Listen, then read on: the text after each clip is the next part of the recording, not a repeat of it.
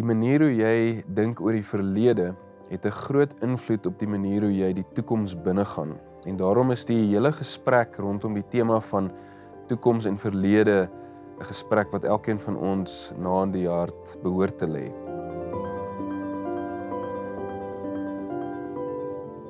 Prof Dani ons ons praat oor die verhouding tussen verlede en toekoms, hoe ons daar dink, hoe ons dit sien en uh, ons sit met twee botsende standpunte hieroor. Miskien kan ons begin by wat ons kan noem wokeism of wokeness.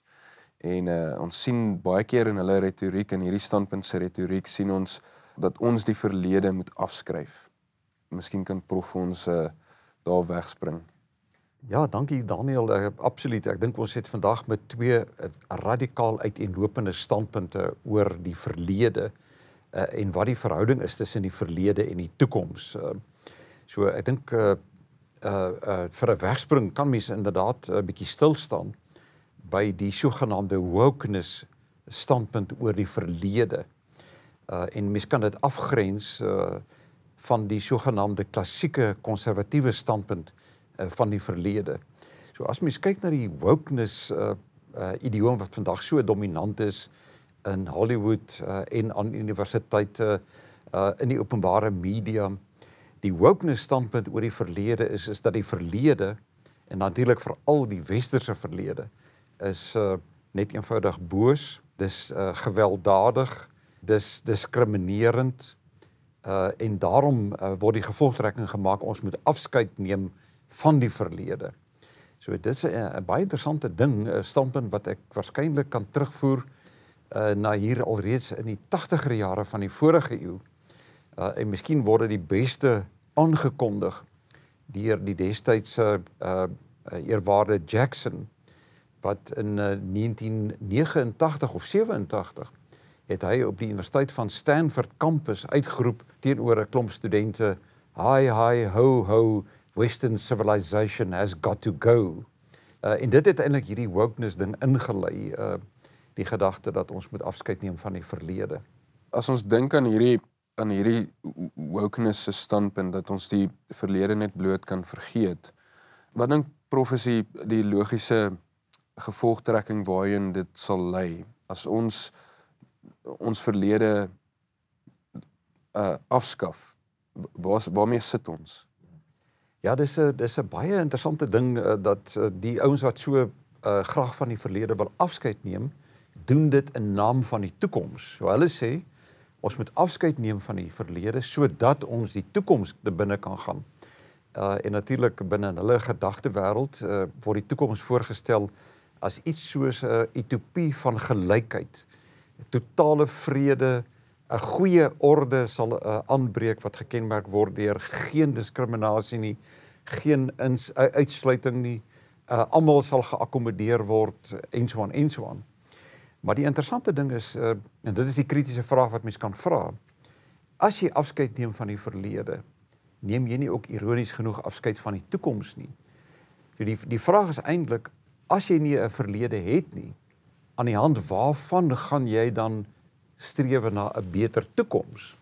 So die die gevolgtrekking is dink ek wat mens kan maak is sonder 'n verlede is daar ook ironies genoeg geen toekoms nie. Uh, So ek dink dit is omtrent waarop dit eindig. Ons sien dit ook inderdaad op die in in die sekulêre universiteite van ons dag. Prof het nou gesê daardie slagspreuk was was op 'n kampus uitgeroep en ons sien dit eintlik ook hier in Suid-Afrika dat uh dat die dat die dat die geskiedenis of die verlede veral van die van die westerse beskawing is iets wat ons moet vergeet. Daar is waarskynlik nie 'n instansie in die in die westerse wêreld wat so 'n sterk draer geword het van hierdie wokeness uh, as juis die uh, westerse universiteite nie. En daar's omtrent nie 'n fik aan universiteitswese wat nie op 'n manier beïnvloed is deur die wokeness nie. As ons byvoorbeeld net kyk na die ehm um, na musiek om maar 'n voorbeeld te noem dat die westerse musiek word gekriminaliseer. Dit word gesien as boos en dat figure soos uh, sê nou maar Beethoven se musiek word verbind uh, aan 'n rassistiese verlede of 'n koloniale verlede of 'n patriargale verlede en daarom moet ons maar baie skepties wees oor Beethoven se musiek. Dis die gevolgtrekking wat gemaak word. Maar mens kan dit verwys na die letterkunde Uh Shakespeare is boos of so, ons moet liewerste nie Shakespeare lees nie want hy het gediskrimineer of hy was 'n voorstander van patriargale ordes of wat ook al die geval mag wees. So eintlik jou hele verlede en al die vertakkings van die universiteitswese uh word verban as te ware van die universiteitswese af. So dis die een, dis dan nou hierdie uh dis die standpunt van van wokeism. Wat is die alternatief? Ja. Ja, dit is uh dis uh, uh eintlik ook die vraag uh, waarmee ons binne in akademia uh, te doen het uh en akademia wil ook graag 'n alternatief wees uh op op die wokeness uh idioom. En ek dink 'n mens sou breedweg kon verwys na 'n klassieke konservatiewe antwoord uh op die probleem van van wokeness en ons hantering van die verlede. Uh en tipies as mens praat van klassiek konservatief dan uh kan mens nou uh, na 'n klomp figure verwys. Ons het al vroeër verwys uh onder andere na Edmund Burke. En Edmund Burke dink ek gee vandag nog steeds vir ons riglyne oor hoe 'n klassieke konservatief dink oor die verlede. Jy weet uh nou is baie interessant dat Burke um, as mens hom nou as 'n maatstaf kan gebruik ehm um, wou nie terugkeer na die verlede nie. Dis altyd die die dilemma in die konservatiewe wêreld. Wil jy wanneer jy 'n voorspraak maak vir die verlede, wil jy terugkeer na die verlede? Uh, dis nie wat Burke wou doen nie. Burke het gesê uh, ons moet eerder leer uit die verlede. Ons moet leer uit sowel die foute wat in die verlede gemaak is en uit die hoogtepunte van die verlede. En wanneer jy leer uit die verlede, dan skep jy eintlik die ruimte waarbinne die toekoms regtig oop kan gaan. Uh so Burke het eintlik met 'n baie interessante uh verhouding gewerk tussen die verlede en die toekoms. Die een was voorwaardelik vir die ander een. As ons dink aan die aan aan Burke wat gesê die hoogtepunte van die verlede en en hoe ons dit moet raak sien vir wat dit is, maar dan ook soos hy dan sal ons moet leer uit die laagtepunte ook en dit moet raak sien. Dit lyk vir my asof kreatiwiteit 'n groot rol speel dan in die manier hoe ons die toekoms ingaan as ons so na die verlede kyk. Ja. Uh miskien moet mens net eers sê dat Burke uh het uitgegaan van die standpunt dit uh, illustreer eintlik wat ek nou gaan sê hoe hy die verhouding tussen die verlede en die toekoms gesien het. Hy het uitgegaan van die standpunt dat uh, enige kultuur is eintlik 'n kontrak tussen die verlede, die geslagte wat ons voorafgegaan het, die huidige geslagte en die toekomstige geslagte. So hy het eintlik die kultuurwêreld gesien as daai kontrak. Uh en uh, mens sou kon sê dis 'n lewende kontrak. Uh dis 'n dinamiese kontrak, dis 'n verbeeldingryke kontrak wanneer daar 'n 'n dialoog tussen die geslagte is, tussen die hede en die verlede. So wanneer ons verwys byvoorbeeld uh, na die groot bronne van die westerse beskawing, uh ons intellektuele bronne wat teruggaan tot en met Athene, ons godsdienstige bronne wat teruggaan tot en met om nou maar 'n stad daaraan te knoop Jerusalem. Uh of ons sin vir reg en orde wat teruggaan na na Rome. So uh in gevolge Burke se argument as jy aanknoop by Athene, ons denkende bronne, ons godsdienstige bronne en ons uh regsbronne, dan skep jy die voorwaarde vir die toekoms. As jy daai lewende kontrak in stand hou, dan het jy werklik ware toekoms. So ons kan nie die toekoms ingaan sonder hierdie bronne nie. En miskien om dan bietjie te vergelyk met uh, wat ons sien by wokeness. Uh daardie afskaffing van die verlede met sy bronne dan wat geïmpliseer word sluit dit iets van ons Christelike tradisie ook in. Uh hoe hoe kan ons miskien daaroor bietjie dink?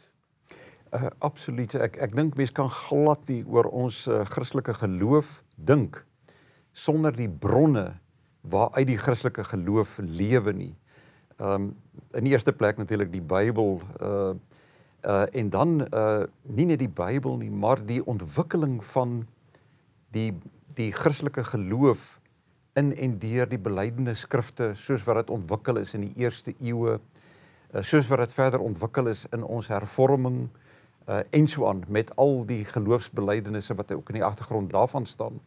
So mense kom kwaliek dink aan die toekoms van die Christendom, van die Christelike geloof sonder 'n aanhak en 'n aanknoop by ons groot bronne. So dis baie interessant dat uh, dat as Burke praat van hierdie dinamiese verhouding tussen verlede en toekoms, uh hy eintlik baie direk aanleen by die Christelike tradisie en die gedagte dat die Christelike geloof lewend is in die mate waarin daar 'n gesprek is tussen sê net maar ons uh, bronne uit die verlede uh, en ons toekoms. Net om hiermee so 'n bietjie saam te vat om weer eens hierdie twee standpunte te vergelyk. Prof het alreeds daarna verwys dat binne die konservatiewe wêreld is daar hierdie worsteling met die klassieke konservatiewe standpunt soos wat verteenwoordig word deur Edmund Burke wat eerder sê wees kreatief met die verlede en gaan die toekoms binne uh, met die bronne van die verlede. Maar dan die ander standpunt wat amper 'n speelbeeld van die wokeness is, is kom ons dupliseer die verlede. Ek dink dis dis uh, verskriklik belangrik om te onderskei binne in die konservatiewe wêreld kry jy ook weer verskillende strominge. Jy kry uh, soos ons nou hier uh, verwys het na Burke as die die klassieke konservatisme. Maar dan kry jy 'n um, meer 'n reaksionêre neiging uh, onder konservatiewes en dis daai ouens wat wil sê maar ons moet terugkeer na die verlede. Uh, en Burke uh, uh, vertolk nie daai sentiment nie. Burke wou nie terugkeer na die verlede nie, hy wou leer uit die verlede. En trouens hy sou kon argumenteer en ek dink hy het dit ook so gedoen dat dit onmoontlik is om die wiel van die geskiedenis terug te draai. Jy kan nie terugkeer na die verlede nie. Ehm um, en dis die reaksionêre standpunt, jy moet terugkeer na die verlede. Uh en interessant genoeg is dit eintlik presies die spieelbeeld van die woke standpunt. Die woke standpunt sê nee, ons moet afskeid neem van die verlede. En die ou wat meer reaksionêr dink, hy sê nee, ons moet terugkeer na die verlede. Terwyl die klassieke konservatisme het eintlik 'n alternatief. Mens sou eintlik kon sê die klassieke ehm um, konservatief beweeg in die baie interessante gespreksruimte tussen die verlede en die toekoms en niemand minder nie as 'n uh, oud president Paul Creer. Het dit eintlik pragtig versinne beeld. Ek dink nie Creer het ooit vir Edmund Burke gelees nie. Maar as hy gesê het, dis president Creer, as hy gesê het leer uit die verlede en neem uit die neem die goeie en die skone uit die verlede en bou jou toekoms daarop. Het uh, het Creer eintlik presies die Burkeanse soort van konservatiewe standpunt uh, vertolk. Uh Kreer het geen sin gehad daarvoor om na die verlede terug te keer letterlik nie. Hy wou eerder na die toekoms toe beweeg, maar aan die hand van insigte uit die verlede. So die een, die wokeness reduseer die verlede tot absoluut boos en ons niks te leer daaruit nie en die reaksionêre konservatiewe kant reduseer die verlede tot absoluut goed en ons geen foute daarin nie. Uh en ek dink prof het nou mooi die balans hierso vir ons um, uitgewys. So wat dink jy, is die verlede iets wat jy heeltemal kan vergeet of is dit iets waaruit jy kan leer soos wat jy die toekoms binne gaan?